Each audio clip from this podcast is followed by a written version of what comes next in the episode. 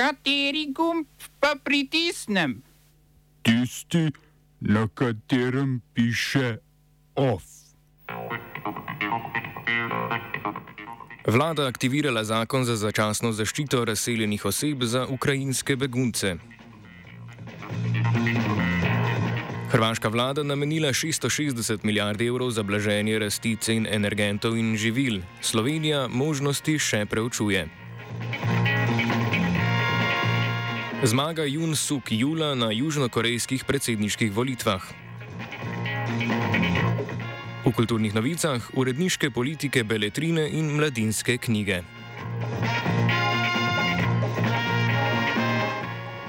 Danes izjemoma začenjamo z domačimi novicami.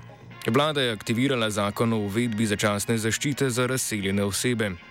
Vladni sklep določa začasno zaščito za osebe, ki so bile od 24. februarja razseljene iz Ukrajine zaradi ruske vojaške invazije. To zajema ukrajinske državljane, osebe brez državljanstva in državljane tretjih držav, ki so bili v Ukrajini upravičeni do mednarodne ali enakovredne nacionalne zaščite.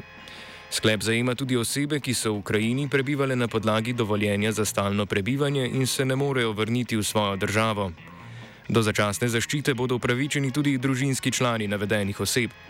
Vlada je sklep o začasni zaščiti lahko sprejela potem, ko je Svet Evropske unije na območju Ukrajine prepoznal vojne spopade, zaradi katerih Unija pričakuje prihod velikega števila beguncev. Razlike med obravnavo beguncev po zakonu, ki se uporablja prvič, in siceršnjo obravnavo pojasni Urška Rigvar iz Pravno-informacijskega centra nevladnih organizacij. Um, zdaj, postopki, ki bojo deležni Ukrajinci, ki bojo zaprosili v bistvu za status začasno razseljenih oseb, uh, bojo dobili status, um, status teh oseb in bistvena razlika med njimi ali pa prosilci za mednarodno zaščito je v tem, da je status začasno razseljenih oseb časovno omejen na eno leto in da ga je potem možno sicer podaljšvati še, še dvakrat za pol leta, ampak potem je potem pa se lahko v bistvu status prekine. Se pravi, namenjen je samo neki res hitri zaščiti tistih oseb, ki so bile evakuirane, ki bežijo pre, uh, neposredno pred um, oboroženimi spopadi in se potem tudi po koncu teh spopadov, če se le da, vrnejo nazaj v, v svojo državo. Gre za zakon, ki je bil sprejet leta 2005. Njegova podlaga je direktiva Evropske unije iz leta 2001, sprejeta ob poskusu reševanja problematike beguncev iz jugoslovanskih vojn. Mandatno-volilna komisija je državnemu zboru predlagala imenovanje Aleksandre Hočevar-Vinski na mesto vrhovne sodnice. Sodni svet je državnemu zboru predlagal dve kandidatki za mesti na vrhovnem sodišču. Hočevar Vinski naj bi prevzela mesto na civilno-gospodarskem oddelku, zataknilo pa se je pri Magdi Tepej, ki za prevzem mesta na delovnem in socialnem oddelku ni dobila dovoljšne podpore članov komisije. Za njo je glasovalo pet navzočih poslancev, proti imenovanju pa šest. Kandidatke niso podprli v Slovenski demokratski stranki in Novi Sloveniji. Gospodarski minister Zdravko Počivalšek je dejal, da vlada ob nekontrolirani rasti cen pogonskih goriv pripravljena sprostiti blagovne rezerve ali omejiti cene, ki jih je sicer deregulirala predlani. Odločitev bo po ministrovih besedah odvisna od dogovora predstavnikov držav na zasedanju Sveta Evropske unije, ki poteka danes in jutri.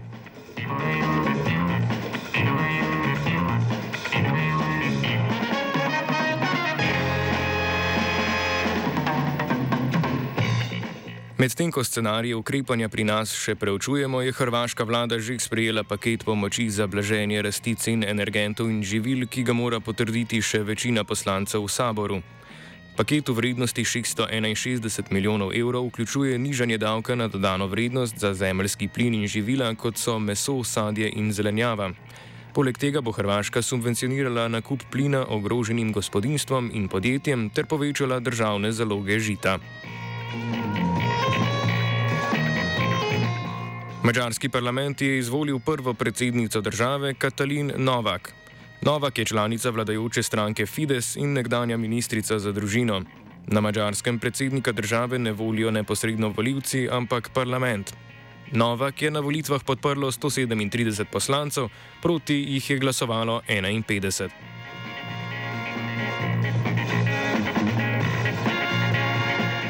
V Ukrajini v zadnjem dnevu ni bilo večjih premikov frontnih črt. V zdaj že razpoznavnem ozorcu bojevanje potihne v času intenzivnejših diplomatskih pogajanj. Pogovori so danes potekali med zunanjima ministroma. Najvišji ruski diplomat Sergej Lavrov in njegov ukrajinski kolega Dmitro Kuleba sta se srečala v Turčiji. Gre za srečanje na najvišji ravni od začetka vojne. Osredotočili so se na odprtje evakuacijskih koridorjev in predlog 24-urnega premirja, a se vojskojoči se strani nista dogovorili za nič od tega. Ukrajinski predsednik Volodimir Zelenski je v več izjavah za medije povedal, da se je pripravljen pogovarjati o neutralnosti Ukrajine in se odpovedati ambicijam o pridružitvi zvezi NATO, a se želi o tem pogovarjati z ruskim predsednikom Vladimirjem Putinom osebno.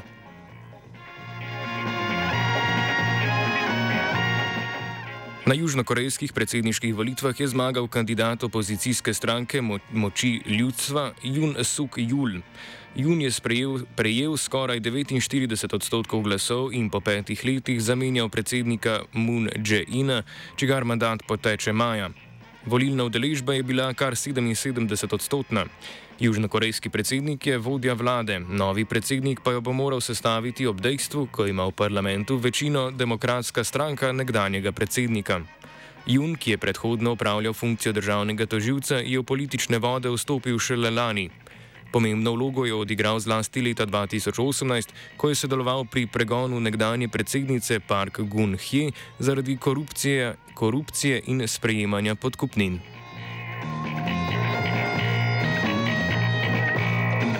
Severna Koreja je vzpostavila izvidniške satelite, s pomočjo katerih bo država informirana o vojaških posegih Združenih držav Amerike in njenih zaveznic.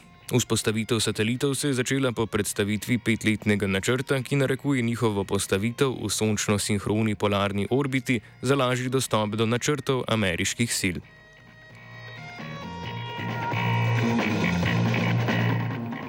Znani so rezultati volitev v petih indijskih zvezdnih državah: Goji, Manipurju, Uttar Pradešu, Uttarakandu in Punjabu. Večino glasov v prvih štirih omenjenih zvezdnih državah je prejela stranka indijskega premijeja Narendra Modija, Bharatya Janata Party, krajše BJP. Za BJP je pomembna zlasti zmaga v Uttar Pradešu, ki je najbolj naseljena zvezdna država v Indiji. Stranka je s tem potrdila, da ostaja glavna kandidatka za zmago na splošnih volitvah leta 2024. Presenečenje predstavljajo rezultati volitev v Punjabu, kjer je večino dobila stranka Am, Ad, Am Admi Party.